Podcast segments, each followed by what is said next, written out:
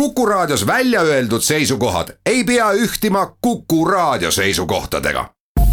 Te kuulate Kuku Raadiot.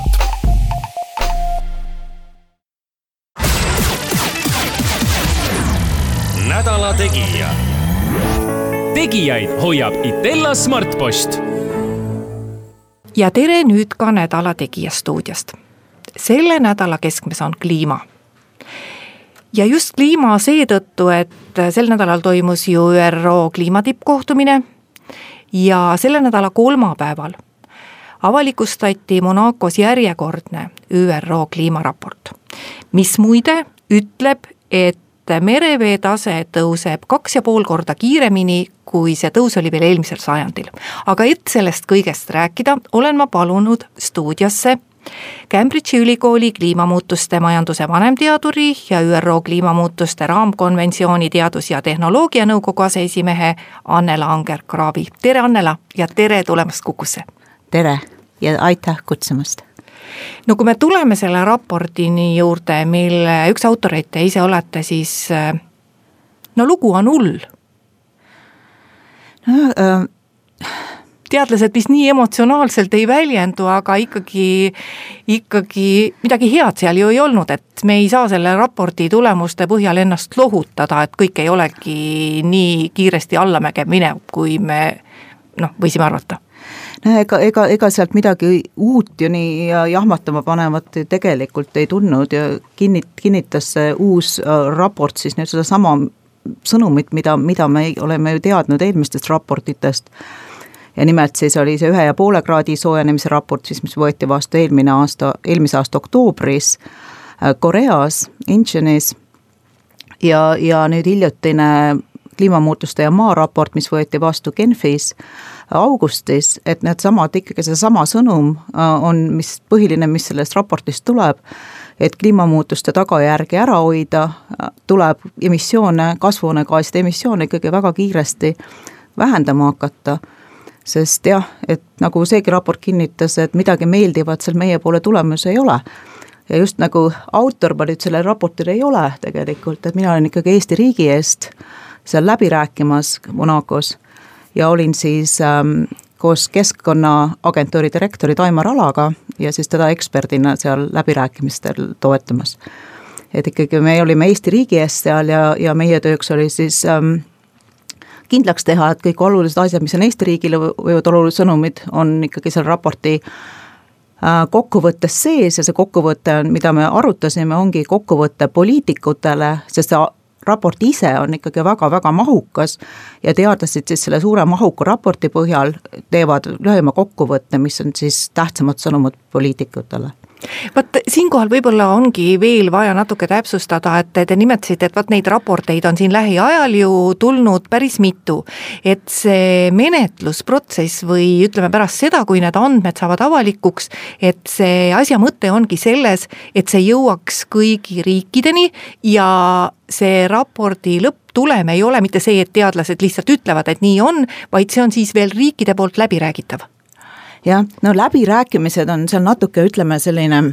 no ta ei ole nagu päris selline õige väljend. kliima, nagu no, kliimakonventsioon, kus ma ise olen nagu jah, õige väljend, selline läbirääkimine, vaid on rohkem nagu riigid saavad kokku, seekord oli siis, ma täpset numbrit ei tea, aga niimoodi arvamuse järgi, kui saalis vaadates kuskil saja neljakümne riigi ümber kohad sisse võtnud ja mida siis arutatakse, on ikkagi see, et tehakse kindlaks, et kõik olulised sõnumid on siis poliitikule mõeldud, poliitikutele mõeldud kokkuvõttes sees. ja siis ja, ja kui me aru saaksime, ka need poliitikud nendest aru saaksid, sest teadlastel on oma väga keeruline keel, kui nad midagi kirjeldavad. ja, ja siis selle jaoks tulevadki valitsused kokku ja käivad rida-realt selle poliitikutele mõeldud kokkuvõtte läbi, tehes kindlaks, et kõik oluline on seal sees olemas, mis nende jaoks on oluline ja riike on palju ja see on ka palju olulisi sõnumeid. ja, ja ka siis ähm, sellest, et see sõnastus oleks selline, millest oleks võimalik aru saada ka mittespetsialistil, et see töö ongi see, mis siis tehti nagu nüüd Äh, neli päeva ja, ja siis äh, kaks ööd praktiliselt olime me üleval, viimane, viimane sessioon hakkas äh, esmaspäeva hommikul kell kaheksa ja me lõpetasime teisipäeva keskpäeval ilma, ilma magamata kui nüüd jälle lihtsustada, et lisaks poliitikutele ka meie kuulajad siin nagu aru saaksid, et äh, nendes uudistes, mis on selle seekordse raporti kohta tulnud, räägitakse põhiliselt just veetaseme tõusust. Kas ma saan õieti aru, et see tõus toimub isegi siis, kui me peame kinni Pariisi kliimakokkuleppest? ja nüüd kahjuks see nii on, et ähm, kliimamuutused on kohal ja, ja, ja tagasi enam seda praegu hetkel pöörata ei saa et isegi kui me lõpetaksime praegu kasvuhoonegaaside emiteerimise, siis äh, merepind ikkagi tõuseks edasi sajandi lõpuks siis kuskile üle poole meetri, poole meetri ümber. Et see, sellist nagu tagasiteed siit ei ole ja, ja osa pooled korallid ähm,, soojaveekorallid on juba kahjustatud. Ähm, ja, ja ka sealt on väga raske seda, seda tagasi keerata, neid uuesti nagu ellu tuua. Ja noh, selle kahjustuse põhjuseks on olnud hapestumine ookeani hapestumine ja hapestumine tekib sellest, et et ookean aitab meil kliimamuutuste vastu võidelda, siis merega, maailma merega on meil kaetud äh, seitsekümmend protsenti meie maakera pinnast ja siis seesama vesi siis aitab süsinikdioksiidi õhust eemaldada, aga samas selle käigus tekib ka hapestumine. ja, ja see hapestumine tekitab stressi korallidele ja sellega siis nad nii-öelda võiks piltlikult öelda, sülitavad ennast toet-, ennast toetavad äh, vetikad välja, aga vetikad on neile söögi jaoks olulised ja siis nad surevad ise selle tagajärjel. ja see hapestamine ka lagundab kõiki koorikloomi, kelles on siis ikkagi kaltsiumi, kaltsiumi nende, nende koorikutes, et ka on neile ohtlik. Et see on juba toimunud, et seda päriselt tagasi, tagasi keerata ei saa. Ja ookean ja maailmameri ongi olnud oluline selles suhtes, et on aidanud meil tegelikult inimtekkelise kliimamuutusega võidelda, me just räägime siin inimtekkelisest, mitte, mitte loomulikust kliimamuutusest, mis juhtub nagunii meil siin taustal ja, ja, ja praeguseks ongi siis et, et üheksakümmend protsenti lisasoojusest, mis on tekkinud, on ookean endale võtnud ja on tekkinud soojen-, soojenemine ja kolmkümmend protsenti siis süsinikdioksiidist no uudistes räägitakse ka täiesti konkreetsetest piirkondadest, mis peavad olema valmis selleks, et veetase seal tõuseb ja et seal tekivad uputused ja välja on toodud näiteks Amsterdam ja New York. jah, Amsterdam ja New York on ütleme, et kaks sellist kohta, kus need mõjud ilmselt nagu kõige hullemad ei ole, sest tege-, tegu on ikkagi rikaste ja arenenud riikidega ähm,. allab sellise madala mereäärseid ja, ja jõgede deltades elab kuskil praeguseks hetkeks kuuesaja kuuesaja viie, kuuesaja kaheksakümne miljoni inimese ümber, kahe tuhande viiekümnendaks aastaks elab seal umbes miljardit inimest. ja need on need alad siis, mis ikkagi on ohustatud veepinna tõusu puhul ja paljud nüüd nendest inimestest on arengumaades, on inimesed, kellel ei ole isiklikult võimalik selle muutuse vastu võidelda ja nendel ka riikidel ei ole, kuna lihtsalt ei ole piisavalt ressursse selle jaoks ja nemad on just kõige rohkem ohustatud. ja merepinna tõusuga on ju see asi, et, et ähm, kui ikkagi kodu kahjustatud saab ja kodu vee alla jääb, siis sinna, sinna tagasi ikka minna enam ei saa, et siis tuleb kuskile mujale minna. ja sellega tekib ka sundmigratsioon, kliimamigratsioon ähm, ja samuti mõjutab see merepinna tõus väikesaari, kes on ka siis on, kelle on merepinna kõrgusel ja need ei ole palju üle merepinna ja ka nemad jäävad,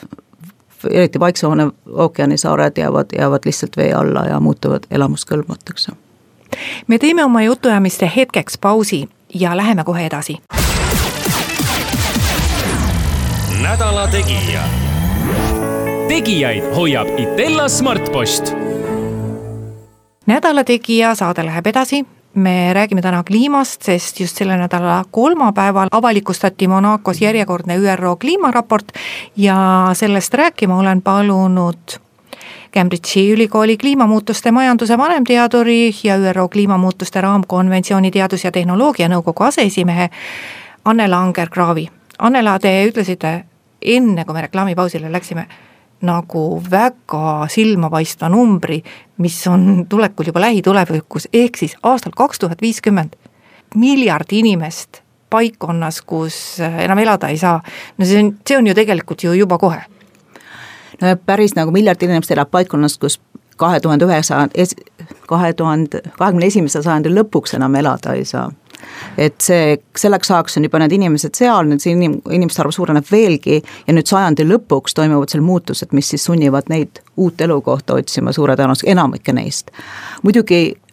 piirkonnati see erineb, kui on rikkamad riigid, kui on rohkem võimalusi, äh, kui on ka ütleme, geograafiliselt võimalusi kaitsebarjääre ehitada, siis neid ka kindlasti ehitatakse, et kõik miljard inimest kindlasti ei liigu äh,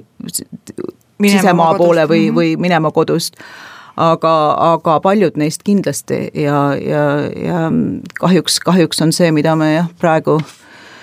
praeguste andmete ja teadusandmete põhjal siis oskame, oskame juba öelda, et kui soojenemine jätkub ähm, sellise kiirusega, kui kliima soojenemine, kui ta praegu olnud on. no raportis väidetakse ka, et troopilised tormid muutuvad tugevamaks, kui nad äh, praegu on. Seda, seda, seda, seda väidetakse kindlasti ja sellega kaasneb jällegi kahjustused, üleujutused, et ja jällegi sama asi, et kui me suudame nüüd kliimamuutust vähendada, leevendada kiiresti, siis, siis ka need mõjud saavad olema väiksemad, aga jälle päris ära hoida neid ei saa. Ja samuti nagu ütleb ka raport, et ka Läänemerel tuuled suurenevad, laine kõrgus suureneb, siis sajandi, sajandi lõpuks peaaegu nelikümmend äh, sentimeetrit keskmiselt lainekõrguse suurenemine, mis siis on just eriti halb uudis äh, meie rannakaluritele, kes väiksemate paatidega sõidavad ja, ja ka, ka siis ähm, hobi, hobipaadi omanikele. omanikele, jah hobipaadi omanikele. ja, ja ka sadamatele sest ähm, kui on laine kõrgem, siis on raskem sadamasse sõita ja, ja samuti tuleb ka kaitsemuule siis ähm, kohendada ja, ja tuleb uusi investeeringuid teha. et kõike seda täpsemalt nüüd nagu, mis Läänemerel toimuma hakkavad, et neid muud, neid meetmeid võtta nüüd selle muutuste vastu, et selle jaoks ilmselt oleks ikkagi Eestis vaja teha uuesti ähm, kliima, kliimaprognoosid, kliimamuutuste prognoosid, mis meil on tehtud, aga neid oleks vaja uuendada ja, ja oleks ka vaja ilmselt vaadata rohkem,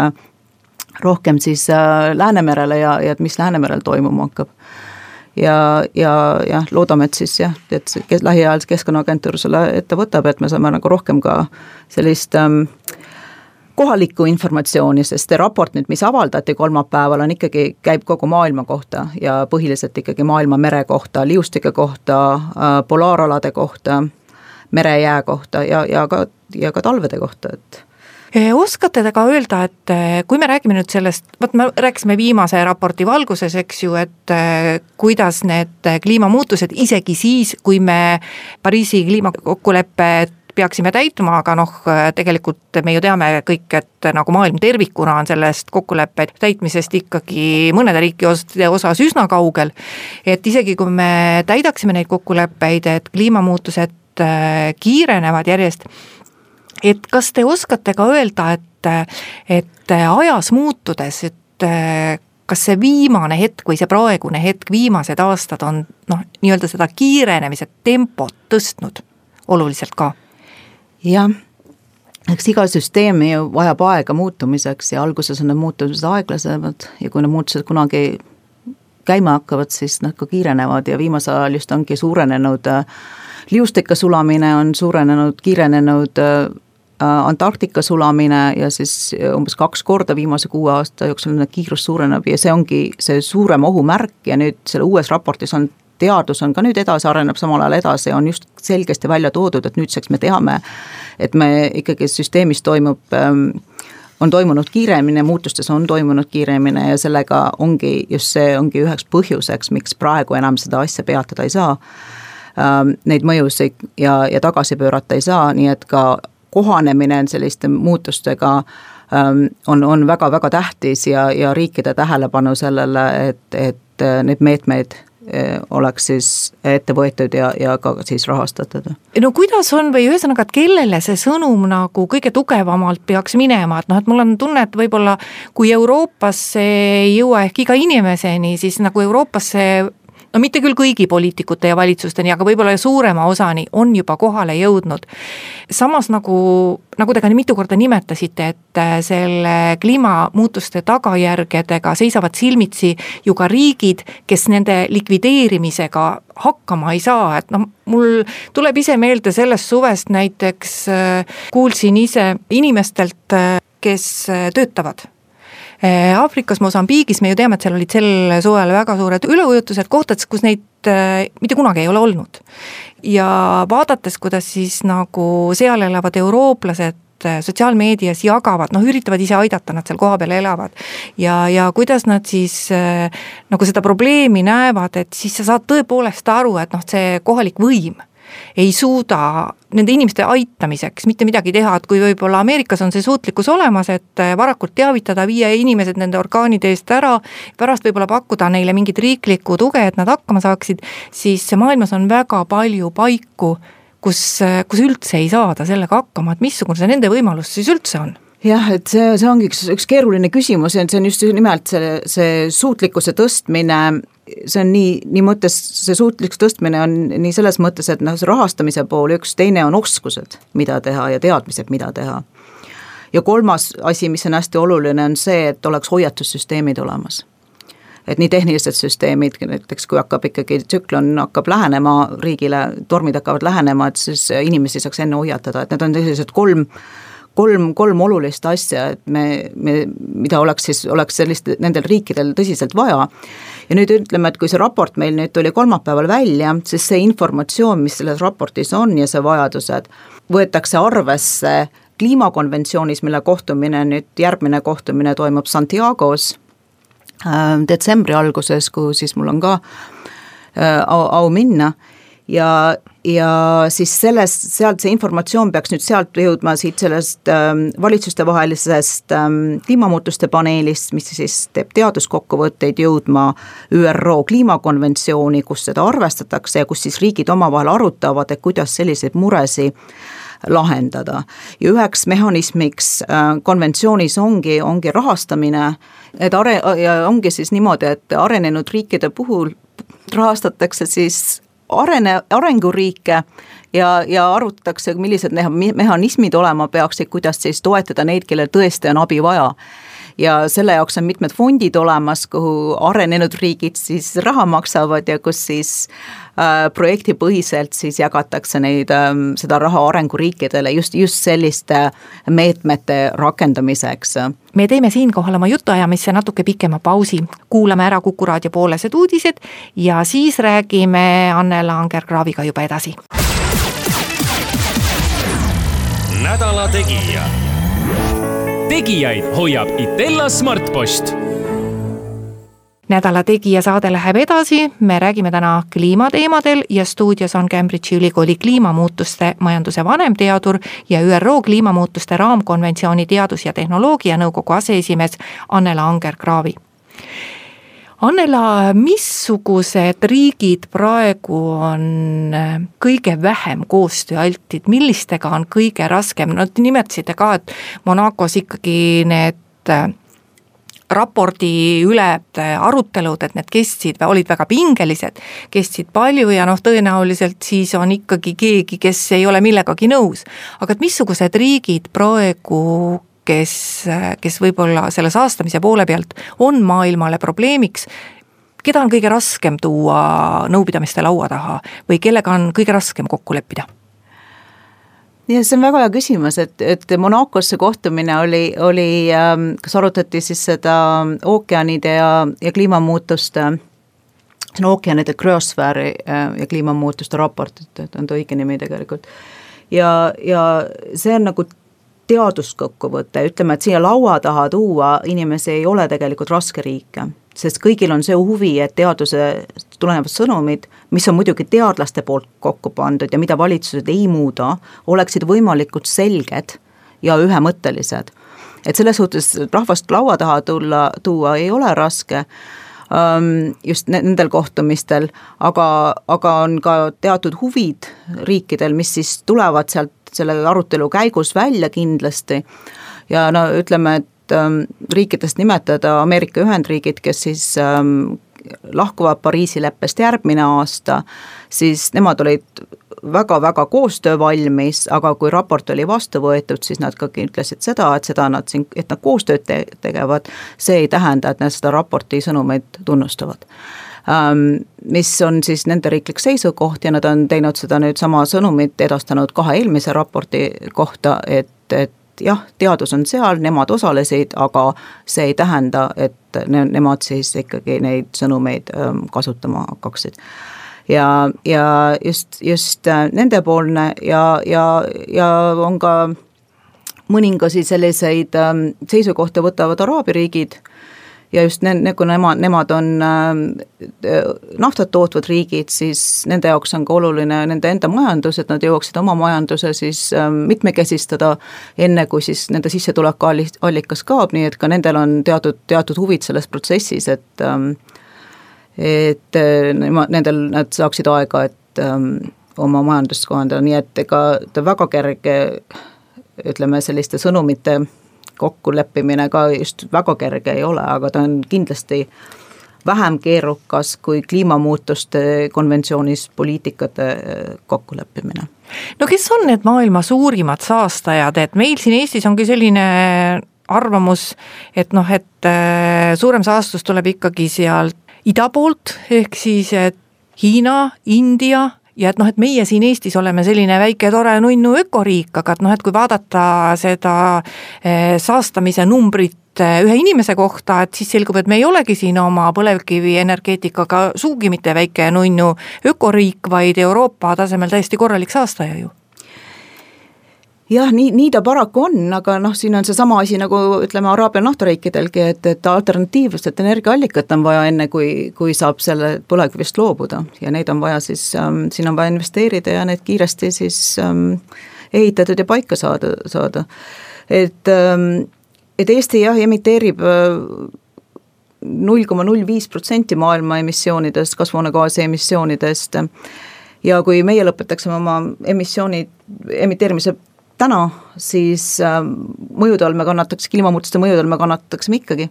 sellepärast et äh, just nimelt ähm, kasvuhoonegaasi ja just nimelt süsinikdioksiidi omapära on see, et ükskõik, kus sa teda emiteerid, ta läheb üles atmosfääri ja jaguneb enam-vähem ühtlaselt üle maakera. nii et need mõjud ulatuvad igale poole. suurimad emiteerijad hetkel on, on Hiina on kõige suurem emiteerija ja see ei ole mingi saladus, need andmed on avalikult kõik olemas, on Hiina, on Ameerika Ühendriigid, sinna kuuluvad ka, kuulub ka,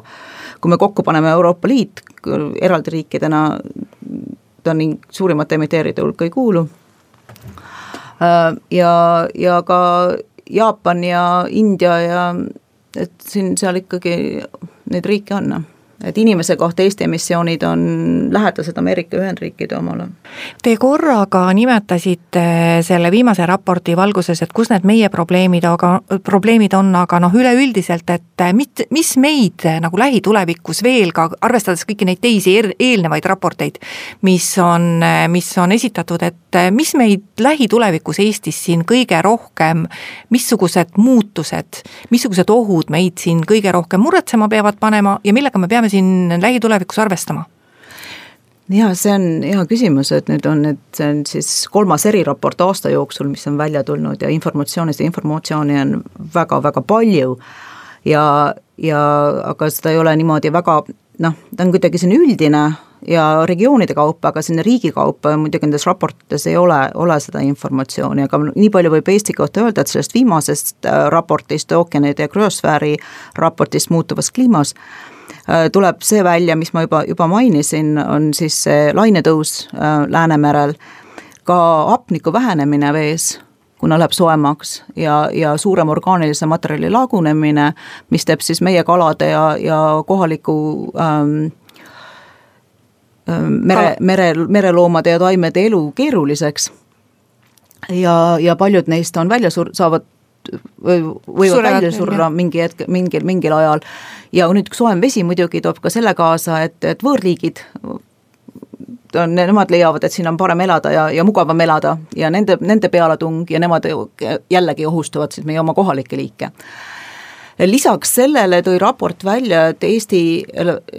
mitte Eesti, vaid Läänemere, Läänemeres, kuna soojenemisega siin kahe tuhande viiekümnendaks aastaks suureneb ähm, vibriobakterite levikuala, vibriobakterid tekitavad kõhuhaigused ja koolera on ka üks nendest. Ähm, et mitte levik, levikuala, vaid levikuks sobiv ala, ütleme niimoodi, et seda, kas see bakter nüüd levib seal, seda ei teata, aga kuna aga keskkond on soodne? jah, keskkond on soodne, kuna nad armastavad vähesoolast vett ja kuna meil on see ookeaniga veevahetus ei ole nagu väga suur siin Läänemerel, siis meil ongi vähesoolane vesi ja, ja see oht on meil nüüd olemas, et millega kindlasti peaks, peaks, peaks arvestama, et ähm, noh, ähm, selle juba kahe tuhande viiekümnendaks aastaks, et äh, meretoit ikka peab korralikult, ähm, korralikult küpsetatud ja keedetud olema, et sellist äh, noh, kui see bakter levima hakkab, siis selline toor, toore siiasaia söömine vist, vist jääb ikka mõnekümne aasta pärast ära. Me teeme oma jutuajamisse ühe pausi veel ja läheme siis kohe edasi nädala Tegija. tegijaid hoiab Itella Smartpost. Nädala Tegija saade läheb edasi, stuudios on Cambridge'i ülikooli kliimamuutuste majanduse vanemteadur ja ÜRO kliimamuutuste raamkonventsiooni teadus- ja tehnoloogianõukogu aseesimees Annela Anger-Kraavi. Ja Annela, mis Euroopas, vot me rääkisime juba Hollandist ja Amsterdamist, me juba rääkisime, aga et kus Euroopas veel need paigad on, mis kliimamuutuste tagajärgedeks juba lähitulevikus peavad ühel või teisel moel valmis olema? no eks kogu Euroopa peab valmis olema kliimamuutuste tagajärgedeks, eks meie oleme nagu õnnelikumad selles suhtes, et meil on rohkem võimalusi tagajärgede vastu võitlemiseks um, et noh, me rääkisime enne siin seda, mis Läänemerega juhtub aga merepinna tõus kindlasti, nagu siin see on Amsterdami nimetatud ja, ja ka teistes riikides, et sadamad peavad hakkama mõtlema, et kuidas, kuidas ennast ümber ehitada, kuidas ennast kohandada muutuvale merepinna tõusule, et, et ja, ja samuti oli, on üks huvitav asi, mis raportis märgitakse, on see, et hakkab toimuma, kuna Gröönimaa sulab ja, ja poolused sulavad, et hoovused hakkavad aeglustuma. sellega nagu võib tekkida see, et tegelikult läheb tagasi külmemaks siin ja, ja praegu on nagu tekkinud, ütleme, kui me mõtleme, mis nüüd siin maapinnal toimub, mitte merel, vaid siis maismaal toimub, siis ähm, näiteks mõtleme Eestit, kus meil on kaks kraadi on juba see soojenemine olnud, keskmine soojenemine, kui maailmas on olnud üks kraad, siis ähm, meile kindlasti need mõjud on, on suuremad kui ütleme seal võib-olla siin Kesk, Kesk-Euroopa, rohkem Kesk-Euroopa pool, siin põhja pool on nad kindlasti suuremad. võiks mõelda näiteks, et ähm, et äh, kui mõelda Eestis, Eestis metsa, metsakasvu, siis on ähm, metsakasv on suurenenud ja mingil määral ta äkki suureneb äh, edasi, kuna on kasvuperiood on meil juba, kevaded on kolm kuni viis kraadi soojemad keskmiselt. ja, ja ka süsinikdioksiid on ju see aine, mida taimed siis ähm, hingavad ja millest nad oma orgaanilist ainet tekivad, mida nad kasutavad kasvamiseks. aga samas on hiljutine uuring tulnud välja just nimelt samast ülikoolist, kus, kus minagi olen, Cambridge'i ülikoolist, mis ütleb, et et kiirem kasv on, on puudele ohtlik, sest siis puud surevad varem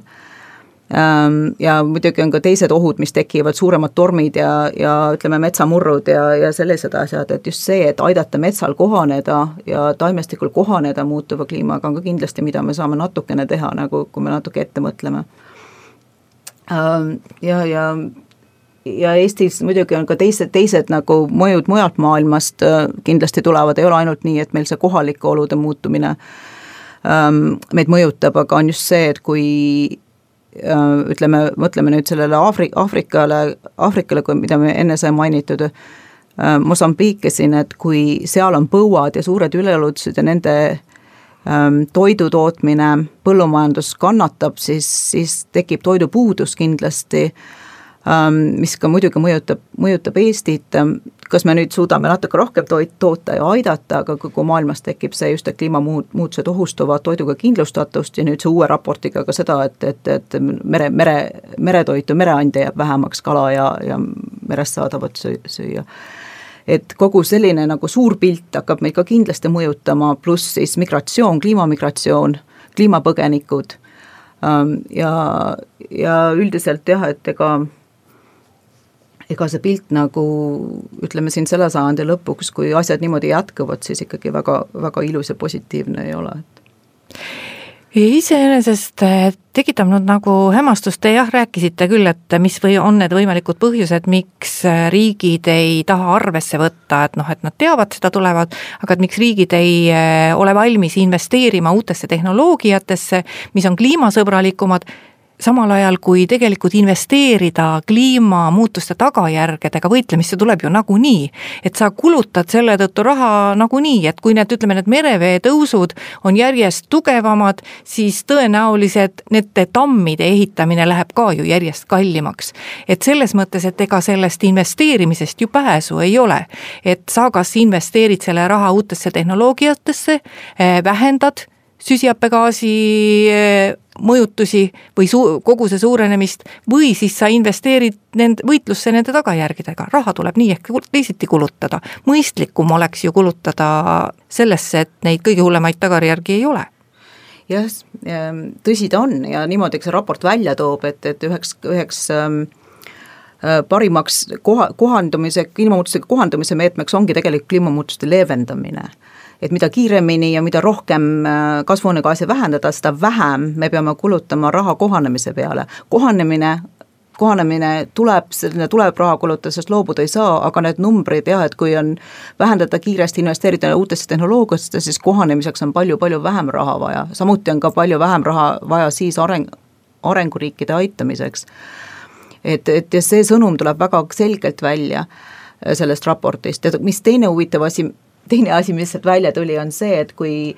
kui muutused praeguses tempos jätkuvad, siis paljudes kohtades kohaneda enam võimalik ei ole. et ükskõik, kui palju sa sinna raha tahaksid panna, lihtsalt see süsteem on, kas, kas looduslikud ökosüsteemid surevad või inimesed peavad oma kodudest lahkuma ja mujale minema. et, et seal nendes kohtades enam kohaneda võimalik ei ole. ja praegused eh, kasvuhoonegaaside emiteerida, emiteerimise jätkudes Äh, raport toob välja, et merepinna tõus on kolm kuni viis meetrit kahe tuhande, kahe tuhande kolmesajandaks aastaks,